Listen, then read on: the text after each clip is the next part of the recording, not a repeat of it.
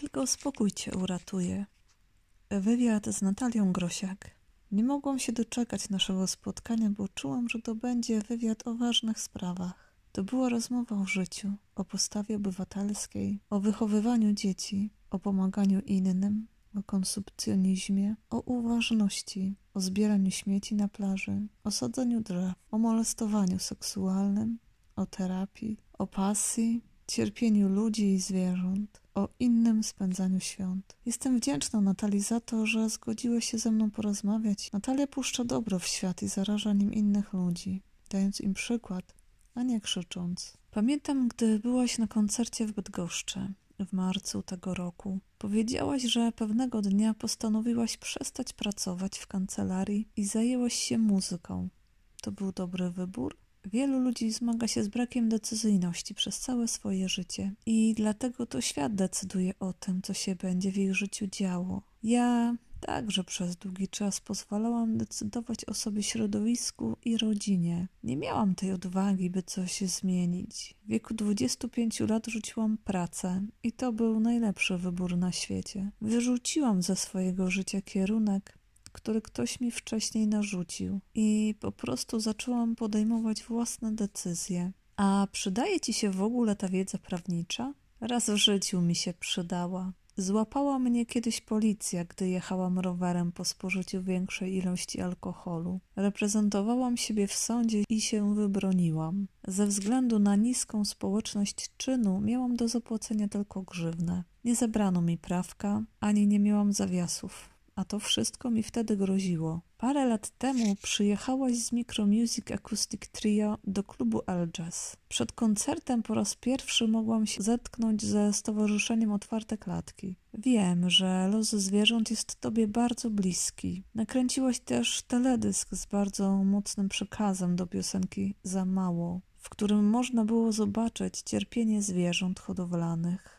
Naprawdę my, jako ludzie, jesteśmy tak okrutni nie tylko wobec siebie, ale także w stosunku do zwierząt? Tak, uważam, że jesteśmy najbardziej drapieżnym gatunkiem zwierząt, które wyrządzają wiele nieszczęścia i cierpienia nie tylko innym istotom, ale także sobie wzajemnie. Z drugiej strony mamy też coś takiego, co może być nazwane duszą, sumieniem, wrażliwością i to de facto pozwala nam z tą drapieżnością walczyć. Wydaje mi się, że im bardziej wykształcone społeczeństwo, im bardziej świadome, tym tego okrucieństwa jest mniej. Mówienie głośno o tym, jak wygląda hodowla zwierząt na futra oraz na mięso, powoduje, że ludzie przestają je jeść. Oczywiście ten problem istnieje na całej kuli ziemskiej choć w różnym natężeniu. Najbardziej rozwinięte państwa, które nie zmagają się z głodem, mogą sobie pozwolić na to, żeby zmieniać swój system wartości i system pozyskiwania pożywienia. Polska jest krajem dobrze rozwijającym się. Z tego co wiem, to już milion Polaków nie je mięsa i kolejny się nad tym zastanawia. Każdy z nas żyje w jakiejś swojej bańce społecznej. Ja mam swoją, ty masz swoją. To odzwierciedla się na przykład na Facebooku. Wielu moich znajomych też nie je mięsa. Moją bańką społeczną jest też moje sąsiedztwo. Ja sadzę drzewa i oni powoli też zaczynają to robić. Wierzę w system komórkowy, że jedna jednostka zaraża drugą dobrocią i wrażliwością, ale też i świadomością, więc mam nadzieję, że to będzie szło w tym kierunku. Moja świadomość na temat cierpienia zwierząt oraz chowu przemysłowego podniosła się, kiedy zostałam wolontariuszem Stowarzyszenia Otwarte Klatki. Byłam przyzwyczajona do takiego obrazu, którym kury spacerują po ogrodzie, a krowy chodzą po łące skubiąc trawę. No i te zwierzęta żyły szczęśliwe, gdyż były w swoim naturalnym środowisku, a dopiero na końcu zadawano im ból i je zabijano. Zobacz, Chów przemysłowy jest niewyobrażalnym złem i cierpieniem dla zwierząt. One, tak jak ludzie, tworzą swoje rodziny, w których jest mama, tata i dzieci. Są także zbiorowiska, krewni i znajomi, więzi społeczne. W chowie przemysłowym po pierwsze rozrywa się więzi, bo zaraz po ocieleniu odbiera się młode matce, która bardzo cierpi z tego powodu. Samotne cielęta są na takim wielkim polu bardzo zagubione. One powinny czuć ciepło matki, cały czas się do niej przytulać i co chwilę pić mleko. Sytuacja się zmienia, kiedy potrafimy użyć naszej empatii i przekładamy te wszystkie systemy na ludzi. Wyobraź sobie niemowlęta które od razu po urodzeniu odbiera się matce i wsadza do jednej wielkiej, ciemnej sali. To byłoby straszne. Wszyscy piętnujemy obozy koncentracyjne. Wiem, jaki to był straszny horror dla ludzi, ale takie samo piekło serwujemy milionom zwierząt na ziemi. One cierpią dokładnie tak samo jak my. Czują ten sam lęk i ból. One też płaczą. Warto to sobie uświadomić. W chowie przemysłowym już nie leczy się zwierząt, tylko profilaktycznie podaje się im niesamowite ilości hormonów i antybiotyków. Ludzie, którzy jedzą mięso, razem z nim wchłaniają do swojego organizmu hormony wzrostu i antybiotyki, czego efektem jest antybiotykoodporność. Co tu dużo mówić? Mięso, oprócz aspektu ideologicznego i moralnego, jest strasznym głównym. No i nie ma też praktycznie żadnych regulacji prawnych, jeśli chodzi o mięso. Tak naprawdę to idąc do sklepu, to nie wiesz, jakie mięso kupujesz. Nie ma na nim żadnego oznaczenia. Kupując na przykład jajka, już możesz sobie wybrać te z chowu klatkowego czy z wolnego wybiegu. Tak, to jest trup z istoty, która bardzo cierpiała i miała bardzo złe życie. To jest kwintesencja tego wszystkiego. Co może zrobić każdy z nas, żeby świat był odrobinę lepszy, żeby było na nim mniej cierpienia? Istnieją w ogóle jakieś złote rady? Moją osobistą i wypracowaną złotą radą jest tylko spokój cię uratuje. To jest moja maksyma, którą powtarzam swoim dzieciom, ludziom, oraz sobie. W życiu są ciężkie momenty, a panika i nerwy nie pomagają ani nam, ani światu. W momencie, gdy się uspokajamy, skupiamy myśli, to dopiero wtedy możemy zacząć działać. Mam też swoją prywatną teorię, że nasz świat byłby lepszy, gdyby dzieci były szczęśliwe, gdyby wszyscy ludzie mieli udane dzieciństwo, mieli bliski kontakt z matką, rodziną oraz naturą. Wydaje mi się, że całe zło, które się bierze na tym świecie, oraz ludzie, którzy stają się mordercami, dewiantami, złodziejami, są osobami, które zazwyczaj miały przerąbane dzieciństwo, były niekochane, albo skrzywdzone za dzieciaka. Osoby, które mają przerośnięte ego i problemy ze sobą, to też są dzieci dręczone albo zaniedbane przez rodziców. Radziłabym więc naszemu światu, aby zdecydował się na wielką ogólnoświatową terapię, po to, aby każdy znalazł w sobie swoje wewnętrzne dziecko, dogadał się z nim i je przytulił.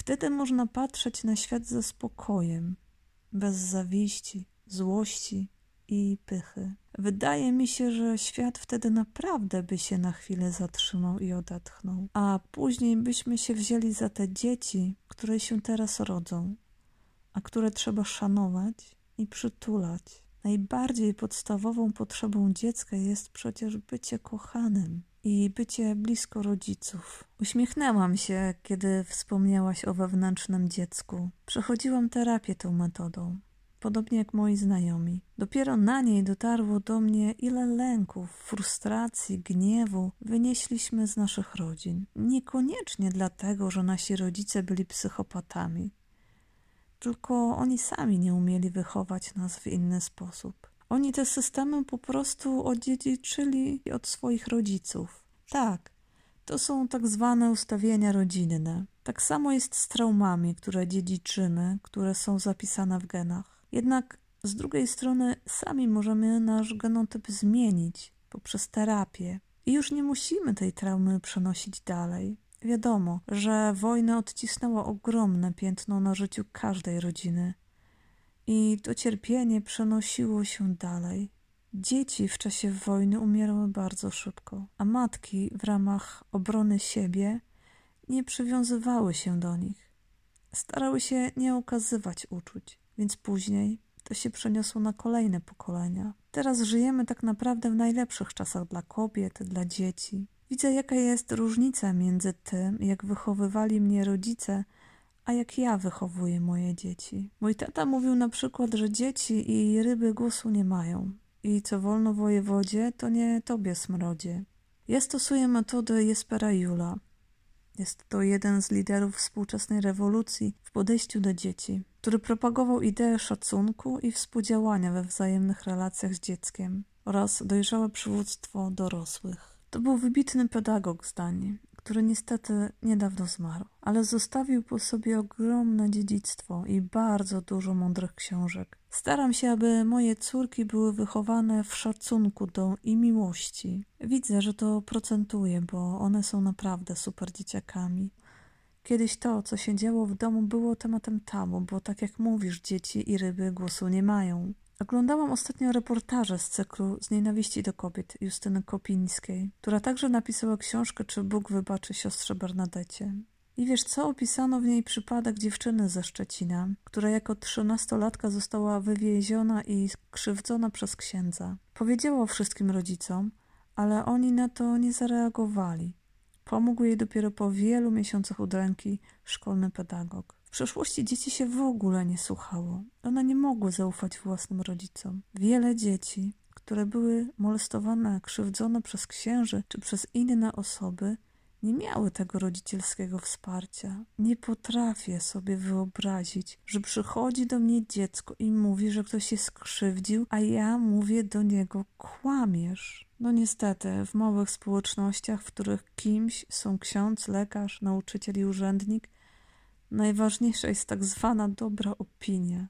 Rodzice są w stanie poświęcić własne dziecko, niż narazić się na wstyd i szekany ze strony całej wioski. Nigdy, będąc matką, nie wybaczyłabym sobie tego, gdybym zdradziła swoje dziecko.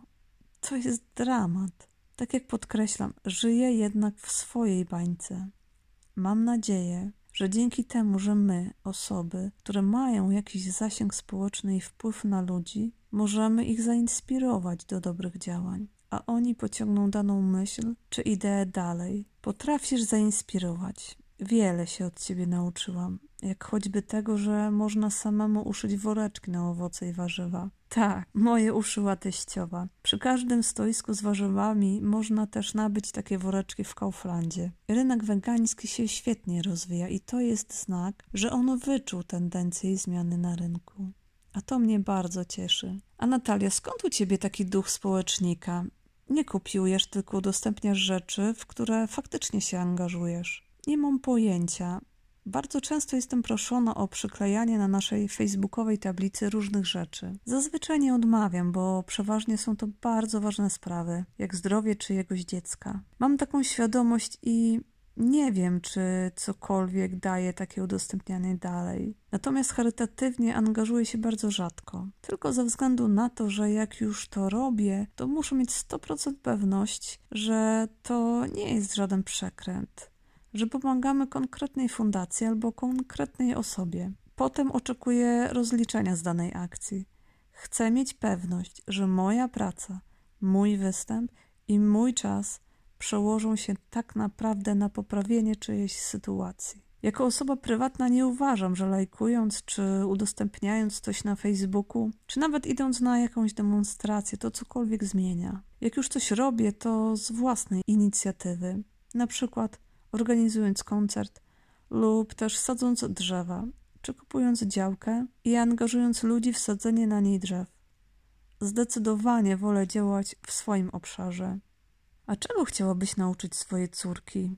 Jakie wartości im przekazać? Na pewno szacunku do innego człowieka, przyrody wobec innych istot. Chciałabym też, żeby moje dzieci były szczęśliwe, miały otwarte głowy na ten świat i aby były kreatywne, aby czuły się piękne i kochane i umiały się w tym w świecie odnaleźć. Z drugiej strony chciałabym też, żeby były asertywne, odważne i nie dały się nikomu skrzywdzić. Ty dajesz im dobry przykład poprzez zbieranie śmieci na plaży. Moje dzieci mnie cudownie wzruszają. Jak idziemy po chodniku, a one same z siebie zbierają śmieci i wrzucają do kosza. Jestem z nich wtedy bardzo dumna, bo one je dostrzegają, a ludzie dorośli tych śmieci nie widzą. Najważniejsze jest to, żeby zacząć zauważać problem, a druga sprawa to, żeby go nie zostawiać, tylko coś z nim zrobić. Bardzo spodobało mi się, że jedną z płyt wydałaś razem z zespołem przez crowdfunding. Ludzie wam zaufali, a wy podjęliście ryzyko. Lubię się angażować w takie akcje, bo mam świadomość tego, że te pieniądze ze sprzedaży albumu bezpośrednio trafią do artysty. To jest też takie prospołeczne działanie i pokazanie, że można mieć własny pomysł, który chce się potem zrealizować. Tak, patrząc na tę decyzję przez pryzmat dwóch lat, uważam, że była ona bardzo dobra. Byliśmy w momencie, w którym tak naprawdę nie wiedzieliśmy, co mamy zrobić. Rozstaliśmy się z wytwórnią fonograficzną. Zarzucano nam, że jesteśmy znanym zespołem z tak wielkim dorobkiem, a nie mamy pieniędzy na wydanie płyty. Otóż nie. Właśnie tak wyglądają zespoły, które współpracują z dużymi wytwórniami, że de facto nic z tego nie mają. Wydanie płyty poprzez crowdfunding było bardzo wzruszające. Była na przykład osoba, która wykupiła ze mną kolację, a inna skomponowanie dla niej piosenki. Niemniej była to jednak ciężka decyzja, ale wiedzieliśmy, że najlepsza w tamtej sytuacji. Ludzie naprawdę nam zaufali i kupili album przez tak zwany preorder. Uważam, że moralnym obowiązkiem każdego artysty jest wspierać działania kolegów i koleżanek. Sama chętnie wspieram znajomych, którzy wydają płyty w taki sam sposób. To jest taka nasza energetyczna cegiełka, dokładana w budowanie lepszego świata. Ty komuś pomagasz i wiesz, że te twoje 50 albo 100 złotych idzie dalej i pomaga innym zrealizować ich fajny projekt. Dlaczego zasadziłaś las? Gołym okiem widać, że ten świat się zmienia.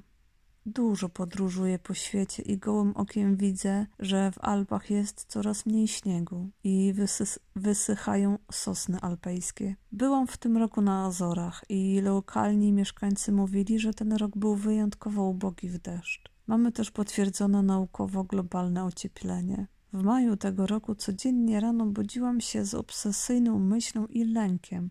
Co będzie dalej? Musiałam się z tego stanu otrząsnąć bo to i tak niczego nie zmieni. Pomyślałam więc, co ja, zwykły człowiek, mogę w tej kwestii zrobić. Na wiele rzeczy nie mam i nigdy nie będę miała wielkiego wpływu, jak chociażby na państwa, które podejmują globalne decyzje. My, jako jednostka społeczna, możemy żyć ekologicznie i dbać o środowisko. Możemy także sadzić drzewa, które według naukowców mogą zredukować globalne ocieplenie. Od paru lat wspólnie z mężem partyzancko sadzimy drzewa we Wrocławiu. Doczekaliśmy się już wspaniałych okazów rosnących pod naszym domem. Postanowiłam jednak pójść o krok dalej i kupić jak najtańszą działkę rolną. Długo jej szukałam, ale w końcu znalazłam 40 kilometrów od Wrocławia. Ogrodziłam ją, bo taki jest wymóg, żeby zwierzęta nie wyjadały młodych pędów drzew. Od razu zaczęła działać energia i dostałam 200 buków, które wspólnie ze znajomymi posadziliśmy 1 listopada. Na wiosnę mam obiecanych jeszcze bardzo dużo drzew, które będę, które będę dalej sadzić. To jest inwestycja, która mi się materialnie nie zwróci. Jednak to jest moja mała partycypacja w ten świat, żeby był trochę lepszy. Nie kryję tego, że chciałabym zainspirować ludzi do działania. Parę osób już do mnie napisało, że moja decyzja ich oświeciła i że oni też przecież mogą sadzić drzewa. I to jest prawda, że bo możesz na własnym podwórku posadzić chociażby jedno drzewo i o nie dbać. Jest nas w Polsce prawie 40 milionów, więc to dzieła. Mam nadzieję, że za jakiś czas będę mogła dokupić więcej ziemi i zasadzić więcej drzew, a może nawet będę miała własny las, który będzie na przykład strefą wolną od polowań. Wierzę, jak śpiewał Czesław Niemen, że ludzi dobrej woli jest więcej, i że ta energia, którą wnoszę i ta moja banieczka społeczna zacznie ludzi zarażać i więcej osób zacznie działać.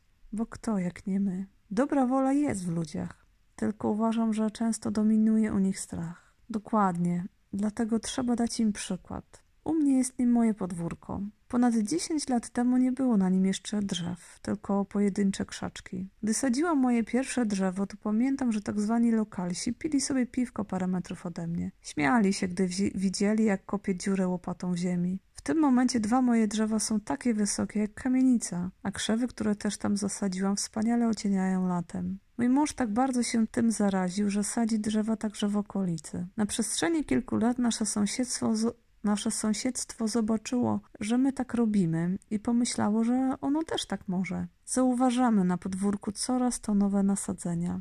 Jedna pani ma kwiatki, ktoś zasadził ostatnio dwa nowe drzewa. Wspólnie z sąsiadami uruchomiliśmy deszczołapy i zrobiliśmy grafik podlewania. Zauważam, że jak ktoś robi coś dobrego przez długi czas, to inni się ośmielą i zaczynają takie osoby naśladować. A jakim przeżyciem było nagrać sesję live w lesie?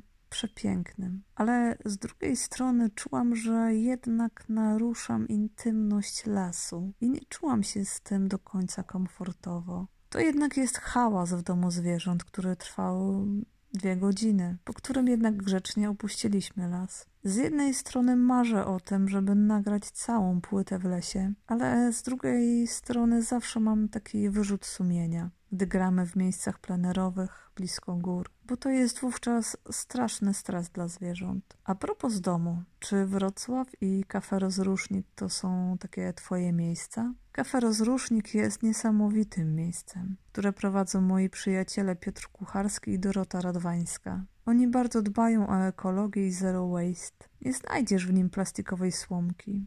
Można natomiast wybić pyszną kawę, a gdy przyniesiesz ze sobą własny kubek, to dostaniesz zniżkę. To miejsce przyciąga super ludzi i czuję się w nim jak w drugim domu. Z kolei Wrocław jest moim domem już od 20 lat.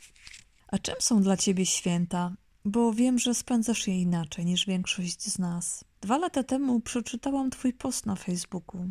Opisywałaś w nim tą przedświąteczną gonitwę, konsumpcjonizm, jedzenie karpia, którego i tak nikt nie umie przyrządzić i nie lubi jeść. Święta są dla mnie i mojego męża jedynym czasem, w którym oboje nie pracujemy. Po cholerę więc mamy sobie jeszcze ten czas utrudniać i nakładać jeszcze więcej pracy. Oboje jesteśmy ateistami i nie bierzemy udziału w procederze katolickim. Moi rodzice, mimo tego, że nie byli katolikami, to jednak stroili choinkę i jedli karpia. To był nawyk, bo oni byli w sidłach tej tradycji, której de facto nie byli częścią. Dziesięć lat temu oznajmiłam moim rodzicom, że jadę z moim chłopakiem, który jeszcze nie był moim mężem, do Włoch w czasie świąt. Na początku było to dla nich wielkie rozczarowanie. Dla wielu ludzi święta są jedyną opcją, żeby się spotkać i spędzić wspólnie czas. Ja moich rodziców widzę bardzo często. Wolę sobie z nimi posiedzieć w ogródku przez parę dni podczas wakacji, niż widzieć moją mamę mającą pretensje do całego świata, że ona haruje podczas świąt. Z drugiej strony, jak zapytasz się pomóc ci,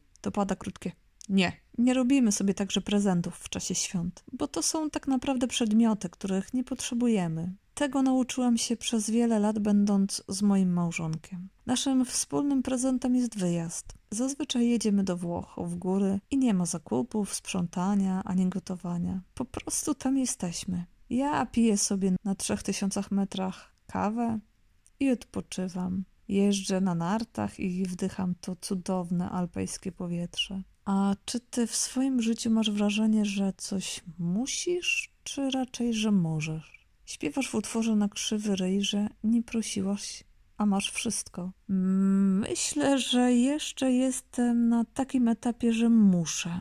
I to jest moja powinność, żeby utrzymać rodzinę, ale też chcę. Teraz w moim życiu następuje przełom. Wydaje mi się, że już dotarłam do tego, co chciałam mieć bo mam swoją rodzinę, a w pracy jest kontynuacja. Wiem, że za parę lat nastąpi taki dzień, że będę mogła sobie odpuścić wszystko. Będę tylko z dziećmi i będę gotować obiady, robić przetwory, chodzić na spacery i od czasu do czasu coś nagrywać. W ubiegłym tygodniu byłam na koncercie Hansa Zimmera w Gdańsku.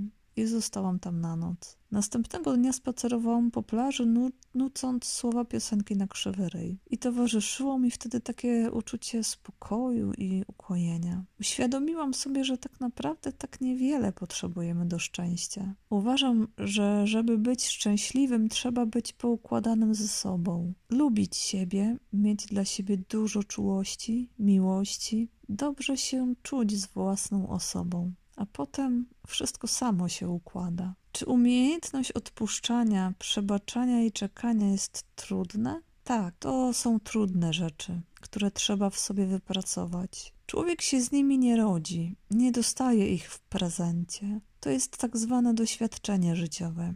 I jestem wdzięczna za to, że mam takie umiejętności. Gdyby nie one, to naprawdę nie byłabym w tym miejscu, w którym jestem teraz. A czy przeżywasz życie w uważności? Udaje ci się to? Tak. Oczywiście nie jest tak przez cały czas. Staram się jednak tak robić, zwłaszcza gdy jestem ze swoimi dziećmi. To są tak cenne chwile. Być z nimi tu i teraz.